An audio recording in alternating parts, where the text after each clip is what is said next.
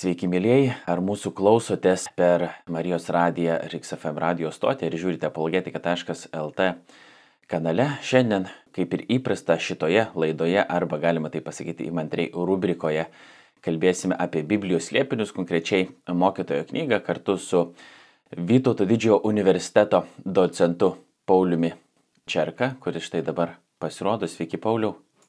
Sveiki aptarinėjame, kaip minėjau, mokytojo knygą, kitaip žinoma kaip Koheleto ar Ekleziasto. Šiandien sustinkame jau trečiąjį kartą. Priejome prie mokytojo antro skyriaus, šiek tiek praėjusi kart aptarėme pirmasias tris eilutes iš jo. Apžvalgos dėliai dar truputį aptarsim tas pirmas tris ir tada jau judėsime toliau. Įprastai, ką mes darom, tai bandom skaityti po gabaliuką, galbūt pavyks ir visą skyrių, bet jeigu ne, tai per daug nesijaudindami aptarėm tai, kas tame skyriuje buvo svarbu, pagrindinės temas, konkrečias eilutes ir taip toliau. Pradėjome nuo knygos apžvalgos, autoristės, skaitėme pirmą skyrių ir galiausiai priartėjome prie antrojo. Jeigu labai trumpai, mokytojo knyga, kai kuriems yra keista, kad jinai apskritai yra biblinėme kanone, laikome mes į Dievo įkvėptą, o jinai skamba pakankamai panašiai kaip egzistencialistinė literatūra. Klausimas buvo keliamas mokytojo, čia skamba du balsai, tiek autoriaus, tiek mokytojo. Dabar Paulius įvardino, kad mokytojo balsas yra tarsi toks proto balsas ir dabar mes klausomės jo. Ir jis sako, kad daug kas yra migla, tas žodis taip pat gali būti verčiamas kaip ir paradoksas, netgi turi tokią absurdo konotacijų, bet kodėl taip yra. Dabar tas mokytojas, ką pradeda daryti, jis nusprendžia, kad pasakoja mums apie tai, kaip buvo nusprendęs, kad leis savo pasimėgoti įvairiausiais malonumais. Tai dabar paskaitysim vėl pirmas tris eilutes ir leisiu Pauliui pakomentuoti. Tariau širdyje, puiku, leisiu savo mėgautis malonumais. Paragauk malonumų, bet tikėk manimi ir tai buvo migla. Apie juoką sakiau kvailystę, apie džiaugsmą kas iš to. Su maniu ištirti, kaip paskatinti savo kūną vynu, nors mano širdis ir buvo užsiemusi išmintimi. Ryžus atsiduoti kvailystį, norėdamas suprasti, ar gera mirtingiesiems tai daryti per keletą jų gyvenimo po dangumi dienų. Pauliu, tai vedant su tuo, kas buvo sakyta praėjusį kartą ir dabar, apie ką tos pirmos trys eilutės. Tai pirmos trys eilutės yra bandymas atsakyti į klausimą, kurį mokytas įsikelia pačioj pradžiai. Yra ar nėra tam tikra tvarka gyvenime, ar galima pasiekti kažkokiu rezultatu, žiūrint į gyvenimą kaip į visumą. Ir siekiais atsakyti į klausimą, kuris iškelia pačioj pradžiai, kokia nauda žmogui iš viso jo sunkaus triuso, kurio jis triusė po savo pasaulį. Toks e, gyvenimo kaip triuso palyginimas ir pirmas bandymas tenka malonumams. Jis sako, kad jis atliks eksperimentą, kaip tokį tą rytų mokslinį eksperimentą, bandys patikrinti, ar malonumas gali būti atsakymas į gyvenimo klausimą. Ar tai galima laikyti gyvenimo prasme. Ir jo eksperimentas parodo, kad ne. Nors jis galėjo išbandyti įvairiausio laipsnio malonumus, vis tik jo atsakymas yra, kad e, jis nerado to pasitenkinimo, kurio ieškojo. Tai toks yra bandymas, toks yra bandymo rezultatas. Ir e, praėjusį kartą minėjot, kad tai yra panašu į tą hedonizmo mokyklą epikūrininkų, ne, kurie teigia, kad gyvenimo prasme iš principo yra atrandama ieškant malonumo, bet paradoksaliai, kad ir kaip tai beskambėtų, kad tas daugiausia malonumos teikia toks nuosaikus gyvenimas. Bet pažiūrėkim dabar, ką mokytojas darė. Ar dar kažką čia norėjot pakomentuoti? Taip, taip pritardamas tuo atveju šitai, bent jau šitai epikūro išvadai, nors krikščionybės etika na, nėra hedonistinė, mes visumoje gal nepritarėm šitam požiūriui, bet tam tikrom išvalgom, jog malonumas yra intensyvesnis, kai gyvenimas yra santūresnis, būtent šitai išvalgai turbūt pritartume ir panašu, kad prie panašios išvalgos prieis ir mūsų mokytojas, iš pradžių išbandęs įvairius malonumus ir vėliau skiriaus gale pasiūlęs kad labiausiai žmogus laimingas yra, kai jis geba pasitenkinti saliginai mažais dalykais, tokių kaip valgymų, gėrimų ir gyvenimo pasitenkinimu. Šiuo atveju tarytum jis iš savo eksperimentų padaro na, va, tokias išvadas, kur slypi labiausias pasitenkinimas. Tai ir pažiūrėkime į kelias kitas eilutes, kokius jis čia eksperimentus atliko. Ėmiausi didelių darbų, stačiausi namų, veisiausi vynogynų. Įsirengiau sodų bei parkų ir pasisodinau juose visokių rūšių vaismedžių. Įstaisiau vandens tvenkinių augančių miško medžiams laistyti. Įsigijau vergų ir vergių. Vergai gimė ir mano namuose. Turėjau taip pat didžiulių galvijų bandų bei avių kaimenių, didesnių negu visų kitų buvusių prieš mane Jeruzalėje. Susikrojau sidabro bei aukso ir karalių bei valstybių turtų. Apsirūpinau dainininkais, vyrais ir moterimis, visais mirtingųjų malonumais bei daugybę sugulovių. Panašu, kad tikrai nemažai pavyko jam per gyvenimą prikaupti tiek žmogiškųjų resursų, tiek įvairių turtų. Dabar vis tiek mes einam prie tos kulminacijos, ką tai reiškia, jau čia šiek tiek įvardinot, kad galiausiai tai kaip ir tame netrandama gyvenimo prasme, tas didysis gyvenimo džiaugsmas, bet jis čia vardina tam tikrus dalykus, kaip minėjau, yra žmonės tam tikri ir tada yra daiktai, kurie gauti iš nurodytų vietų. Ar čia yra tarsi toks principas ir bendrais bruožais nusakyta, kad a, tiesiog aš turiu daug. Tiesiog daug eilučių pasakyta, kad aš turiu labai daug, daugiau negu bet kas kitas turėjo. Ar mums yra svarbu tie konkretūs dalykai, kuriuos jis vardina? Tais dalykais jis panašu, kad padengia visą aibę, aibę įvairiausių dalykų ar reiškinių, kurie galėtų teikti malonumą. Pradeda nuo verslo projektų, kas iš tikrųjų teikia malonumą, jeigu jie pavyksta. Jisai taigi pradeda nuo didelių darbų, kaip jis sako, ypatingai darbų, kurie na, pavyksta vis užbaigti, kažką pasiekti. Aišku, čia iš tikrųjų aštuntoje lūtėje yra vertimas įsigijau daugybę sugulovių ir čia žodis ne visiškai yra aiškus. Ar tai šis žodis reiškia būtent tai, kaip išversta, kadangi mes jį sutinkame tik vienoje vietoje ir vertėjams yra galvosakis, kaip išversti, tai tenka naudotis kitais senaisiais vertimais ir taip interpretuota. Viena galima interpretacija yra būtent reiškinti sugulovės, gali tai reikšti ir muzikinius instrumentus ir gali būti ir kita interpretacija, bet klausytojams reiktų pasakyti, kad mūsų ausiai neįprastas terminas sugulovė gali asocijuotis su būtiniai kalboje naudojimu žodžiu meilužė. Tai šiuo atveju mokytojas neturi omeny meilužių, sugulovė buvo būdinga tam tikra šeimos teisės kategorija, sakykime, supaprastintai tai žmona, bet nepilnų teisių, sakykime, sumažintų teisių sutoktinė, bet tai tikrai nėra meilužė ir, reiškia, mes neturime čia atveju, kad kažkas tai būtų tie malonumai, apie kuriuos kalba mokytojas, netitiktų kultūros ir to meto na, nusistovėjusio gyvenimo modelio. Jis kalba apie tai, kas moralu, bent jau pagal to meto gyvenimo modelį. Jis nekalba apie meilužės, jis kalba apie, na, turbūt karališką haremą, tačiau jis buvo pagal to meto kultūrą ir papročius kaip ir laikomas buvo normaliu. Ar būtų galima sakyti, kad ne tik normaliu buvo laikomas, nes čia tokia įdomi atrodo mintis, kai mes kalbam apie hedonizmą, dažnai įsivaizduojam, kad leidžiama yra savo viskas. Arba bet kas, kas tik tais nori. Ir aš irgi tokį lūkestį turėjau, kad čia mokytas praktiškai leiso viską, bet išgirdę šitą mintį ir atidžiau pažiūrėjęs į tekstą, iš tikrųjų tam tikri dalykai, kurie čia yra įvardinti, praktiškai visi dalykai, jie yra laikomi kultūrinė norma, to laikmečio ir tos vietos.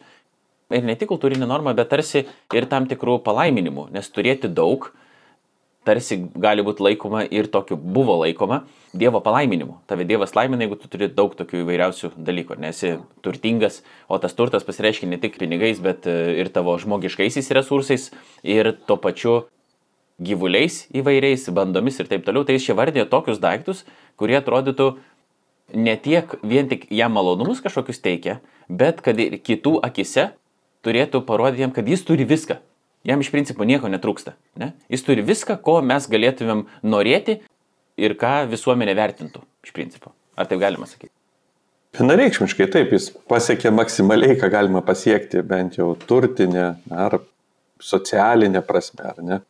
Jis turėjo, pasakykime, šeimą maksimaliai tokia išplėtota pagal to meto papročius, verslą, namus, na, visą tai, ką šiandien aišku, konvertavosi mūsų laikmetį, bet mes taip pat turėtume tam tikrus sėkmybės, vad kas yra tas sėkmingas, laimingas žmogus, tai duoto atveju tas populiarus įsivaizdavimas, tai, ką mes laikytume, visą tai mūsų herojus išbando. ir nieko nedaro tokio na, nelegalaus ar amoralaus savo bandymuose. Mums atrodytų tam tikri dalykai nelegalus ir amoralus, bet mes kalbam apie tą laikmetį ir tą kultūrinį supratimą. Ir nuo devintos eilutės šiek tiek atrodytų, pats mokytas bando mums paprieštarauti, bet žiūrėsim ar iš tikrųjų. Nes rašoma taip. Taip tapau didis, viršiau visus buvusius prieš mane Jeruzalėje. Be to ir išmintis manęs nepaliko. Nieko, ko mano akis norėjo matyti, joms neatsakiau nes savo širdžiai neatsakiau jokio malonumo. Iš tikrųjų, mano širdžiai teikė malonumo visas mano triūsas ir tai buvo atlygis už visą mano triūsą. Tuomet apsvaršiau visą, ką mano rankos buvo padariusios ir sunku triūsą, kurį buvau įdėjęs. Tikėk manimi, visa tai tik migla ir vėjų vaikymasis. Nebuvo nieko naudinga pasaulyje. Čia sako mokytas, kad vis dėlto jis nieko neatsakė savo širdžiai. Ir savo akims, ir savo širdžiai. Ir tai irgi svarbu, kad jis skiriama yra širdis, tas toksai emocinis, intelektualinis viso ko centras ir akis ko mes labiausiai informaciją įimam, priimam. Ne? Bet vis dėlto, jis sako, nieko neatsakiau savo širdžiai, bet jis išvardina tokius dalykus, kurie tam laikmečiui yra priimtini ir po to kalbėdamas apie tai, ko jis neatsakė, tai jis kalba apie triūsą. Apie tai, kad jisai labai daug dirbo ir kad tas didelis darbas jam davė gerovę, bet e, ir tai, sako, yra migla, patikėk manimi. Gal yra tokių dalykų, kuriuos jis darė, mes nežinom, jis čia nerašo, nes sako, gavo viską, ko nori, bet mes tiksliai nežinom, o ko jis norėjo. Ar jis norėjo to paties, ko mes norim, ar jis norėjo kažkokių kitokių dalykų. Bet raktinis momentas tikriausiai čia yra devintoji lūtė antroji pusėje, kur parašyta, be to ir išmintis manęs nepaliko. Jis ne tik turėjo materialiai viso ko, bet to išminties. Ne apie išmintį mes esame nemažai kalbėję prieš tai, tai bus galima grįžti galbūt prie to, bet šitą momentą, jeigu mes panagrinėtumėm, kiek svarbu ir tai, kad jis sako, kad ir išmintis jo nepaliko.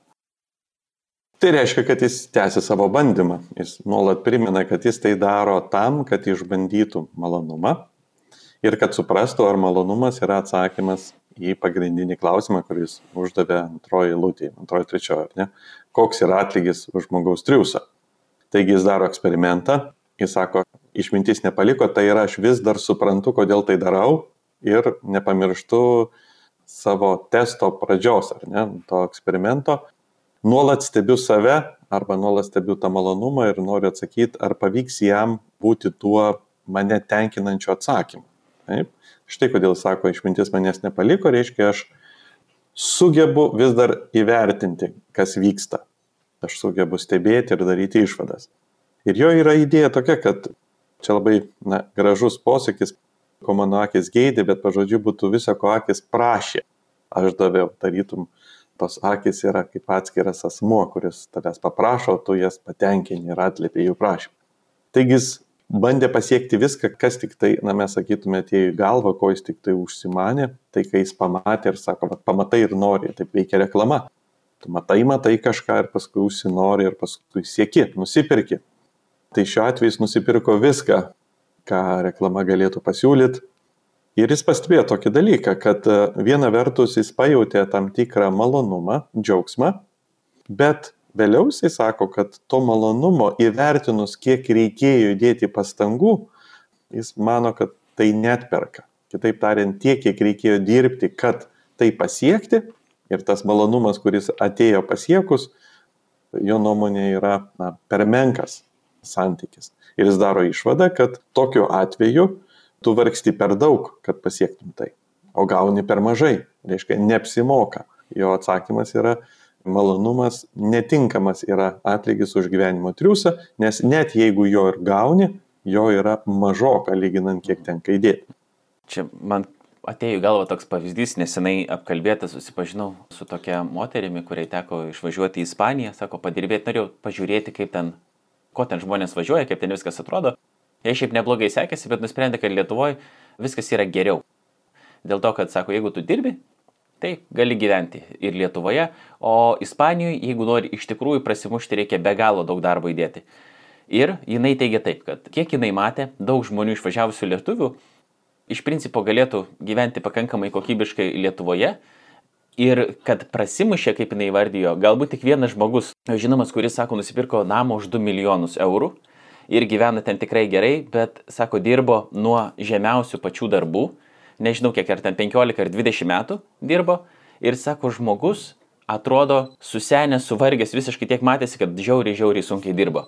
Jis galiausiai pasiekė galbūt tą, ką norėjo, bet jis paukojo ar 15 ar 20, dabar tiksliai neatsimenu kiek metų, turi kažką galbūt kas pavydį, bet tai yra labai mažas procentas tų žmonių, kurie išvažiuoja, čia yra vienas dalykas, o kitas dalykas, kad reikėjo dirbti labai daug, labai sunkiai ir labai ilgai ir mes nežinom, kaip tai paveikia santykius, ten galbūt buvo žmona ar vaikai, dar kažkas tokio, ne, yra tam tikras rezultatas, bet mes galim klausti, ar iš tikrųjų tai apsimoka. Ir mokytojas atrodytų kažką panašaus sako.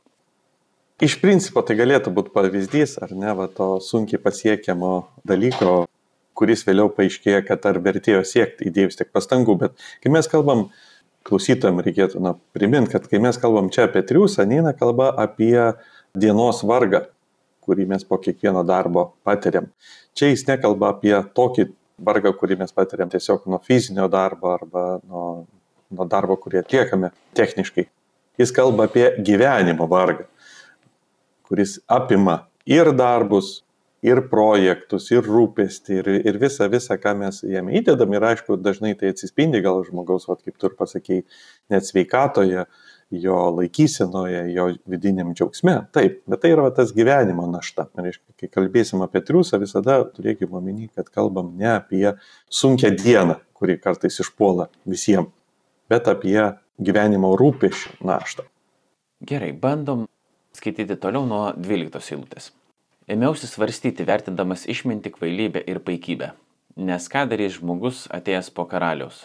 Tik tai, ką karalius buvo daręs. Suvokau, kad išmintis pranoksta kvailybę, kaip šviesa pranoksta tamsą.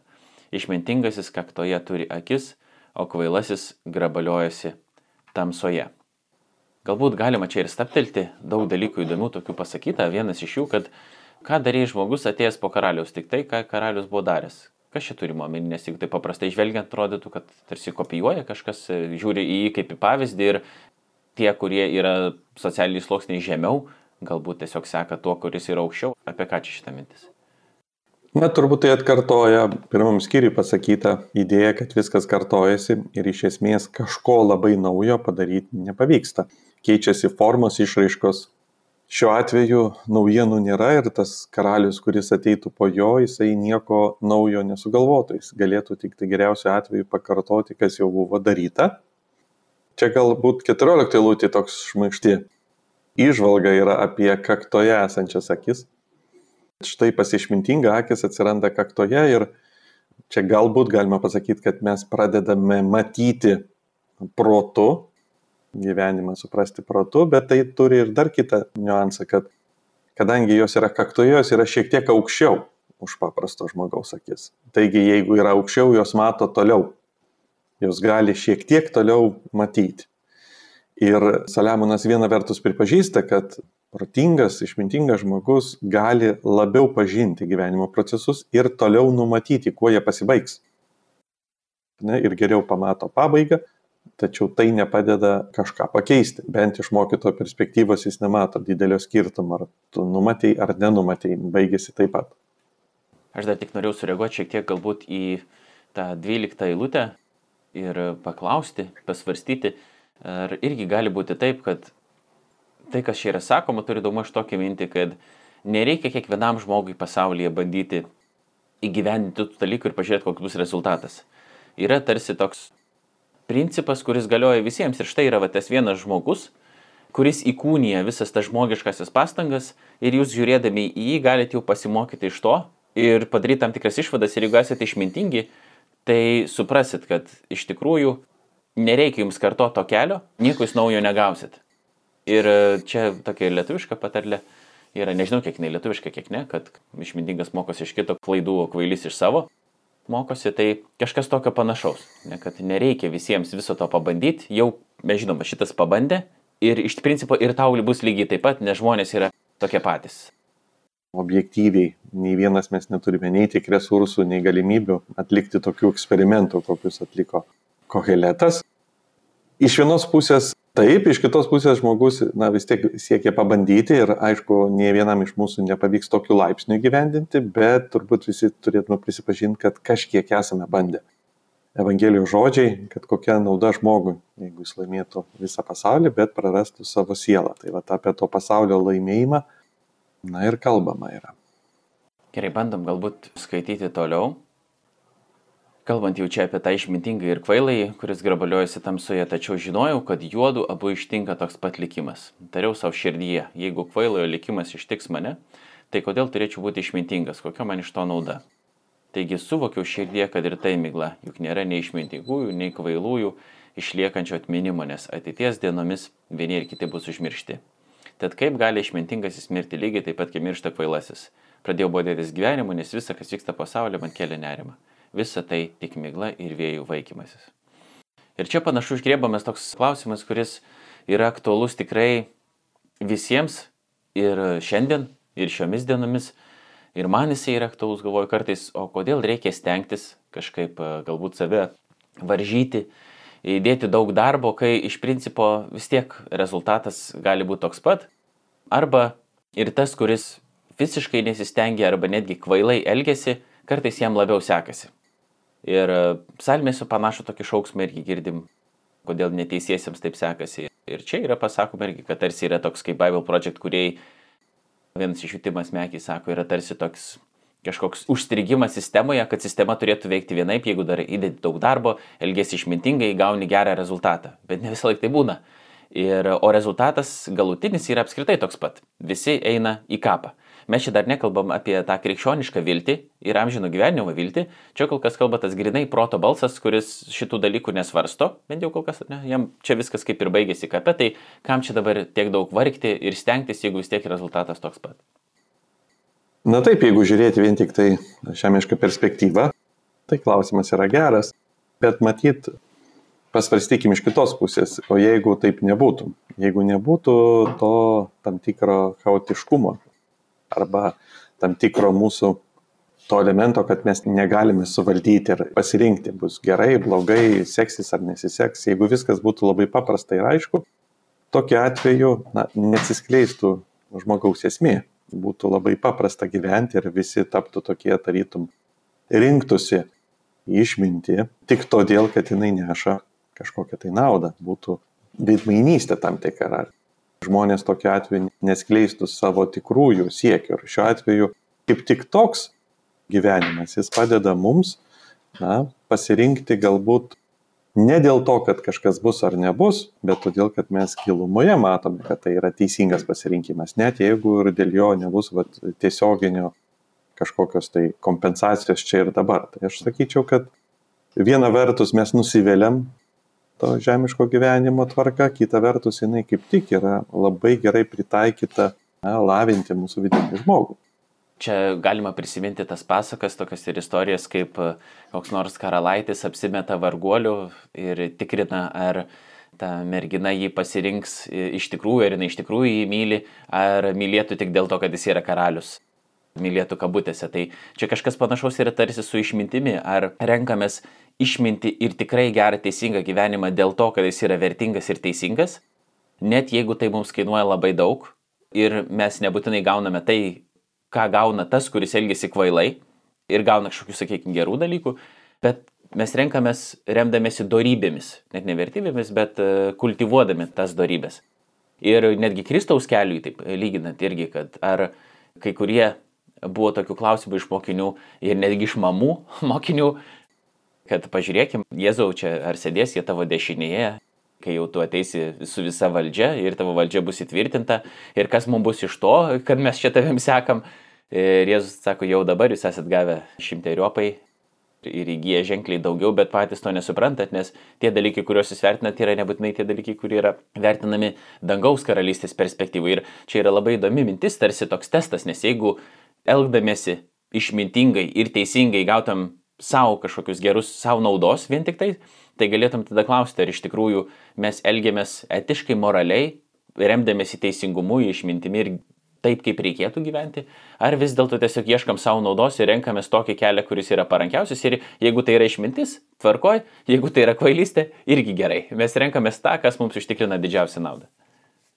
Taip, būtent jeigu tai veiktų labai paprastai, mes tokiu atveju rinktumėmės galbūt išminti tik todėl, kad jinai kažką teikia, kažkokią naudą, o ne todėl, kad tai yra teisingas kelias. Ir šiuo atveju vat, knygos pabaigoje vat, išvada bus pateikta, kad svarbiausia yra bijoti Dievo, tai yra toks gyvenimas, jisai leidžia mums pasirinkti nu, išmokomus rinktis dalykus ne dėl jų grįžtamos naudos, bet todėl, kad tai yra teisinga. Ir aišku, antroji serija, ta vat, būtent sekanti gyvenimo serija, gyvenimo, kuris nesimato mokytojai, kurio jis negali pamatyti čia ir dabar, stebėdama žemišką gyvenimą, jinai iš kažkuria prasme išlygins neligumus ir padės visus taškus ant į. Kadangi pavyzdžiai dažniausiai būna žmonėms įdomus, dar vieną pavyzdį tokį prisiminiau, kai teko dirbti man jaunimo, vaikų, paauglių stovykloje ir reikėjo griebti lapus, buvo daug tų lapų pirkti jau ten rudeniopą ir prašiau pagalbos tiesiog tų stovyklautojų, sakau, kaip galit padėti man lapus sugriepti.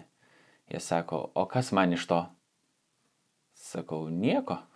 Ką žinau, nieko, jums iš to nieko. Nu, nes dažniausiai, jeigu daro darbą, tada ledą gaus kokį nors arba galėsi mankštą neiti. Sakau, nieko, man galėsit padėti tiesiog. Lapų bus mažiau. Bus jie sugrėpti, nes vis tiek teks grėpti, man grėpti, ar mes grėpsim dviese ar tryse. Jeigu mes daugiau grėpsim, greičiau sugrėpsim, bus tvarkingiau, tiesiog bus geriau. Ir iš principo motivacija buvo tokia, ar tu nori man padėti ar ne. Tau nieko iš to nebus, tu būsi padėjęs arba būsi nepadėjęs, o jau tau čia reikia daryti sprendimą, ar padėti yra gera vien dėl pagalbos, ar padėti yra gera tik dėl to, kad tu gausi kažką tokio. Ne? Ir galbūt skaitom toliau, ne, kad ties pavyzdžiais irgi neustriktume nuo 18 eilutės. Matydamas, kad turiu palikti žmogui, ateinančiam po manęs, vadėjausi visais savo triuso vaisiais, kuriuos buvau sukaupęs pasaulyje.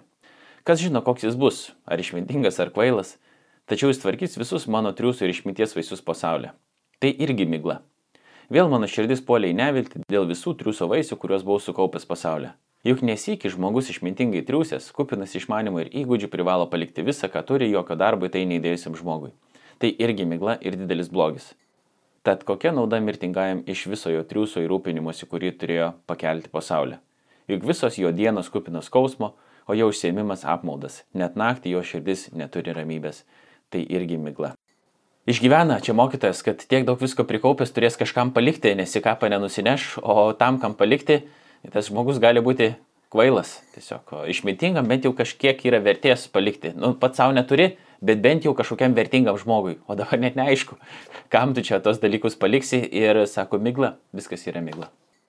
Būtent jisai nekelia tokio lūkesčio, kad jis turėtų žinai su to turtu būti arba su tais pasiekimais. Tačiau jisai sako tai, kad tu net nežinai, kieno rankas jie paklius. Reiškia, tu kaupsi, kaupsi, o galų gale tai, kas sukaupta, pereis į rankas to, kurio tu niekaip nevaldai to proceso. Ir tokiu atveju iškyla iš tos jau perspektyvos žiūrint toks klausimas, ar vertėjo, ar buvo tikslinga. Ir stebint gyvenimą iš tikrųjų mes galim daug kartų na, iš savo turbūt asmenės patirties matyti, kaip turtas keičia rankas. Tai nesimato, sakykime, dažniausiai trumpoj perspektyvai, metų, dviejų perspektyvų, bet jeigu pasižiūri dešimtmetį arba to labiau šimtmetį, tai matai, kaip ir turtas pakeitė iš vienos giminės, pateko į kitą giminę, iš, sakykime, iš vienos valstybės į kitą valstybę ir iš tikrųjų turtas keičia rankas, jisai net, net nepasilieka toje pačioje šeimoje, vadinkime, jis atsiranda labai netikėtose rankose ar vietose. Tai tą mūsų koheletas mato ir sakydamas, kad tai, kad tu net nežinai, kaip jisai pakeistas rankas ir pas ką jis paklius, tu negali sukontroliuoti tų dalykų. Tai ar tai būtų asmeniniam gyvenime, reiškia, turtas per vedybas, skirybas, mirtis, labai netikėtus, sakykime, posūkius gyvenimo, verslo sandorius gali staiga atsirasti ten, kur žmogus visiškai neplanavo ar nesitikėjo. Tuo labiau per politinius kitus įvykius. Tų pokyčių yra labai daug ir rezultate vienas jį sukuria, o kitas jo džiaugiasi. Ir tokiu atveju, jeigu gyvenimas veikia taip, tai kokia iš to prasmė, ar ne? Galim paklausti tokio klausimo mokytojo, ar jis nėra per daug pesimistiškas. 23 eilutėj sako jis, kad juk visos jo dienos kupinos skausmo, jo užsiemimas apmaudas, net naktį jo širdis neturi ramybės. Ar tikrai visos mūsų dienos yra kupinos skausmo, nėra nei vienos dienos, kuri džiugintų. Aišku, čia kalba galėtumėm prikipti, jeigu labai tiksliai skaitom tekstą, atkreipdami dėmesį kiekvieną niuansą, o taip ir dėrėtų daryti, Jis sako, juk jo visos dienos yra kupinos skausmo. Tai reiškia tam tikro žmogaus to, apie kurį jis kalba, galbūt ne visų žmonių. Bet vis dėlto, ar tai nėra kažkiek per daug pesimistiška? Jo, jis turbūt kalba apie tą žmogų, kuris nori pasiekti labai daug. Ir būtent jis kalba iš jo perspektyvos, kad viena vertus jis pasiekė daug, jis patiria tam tikrą malonumą, bet to malonumo yra mažai.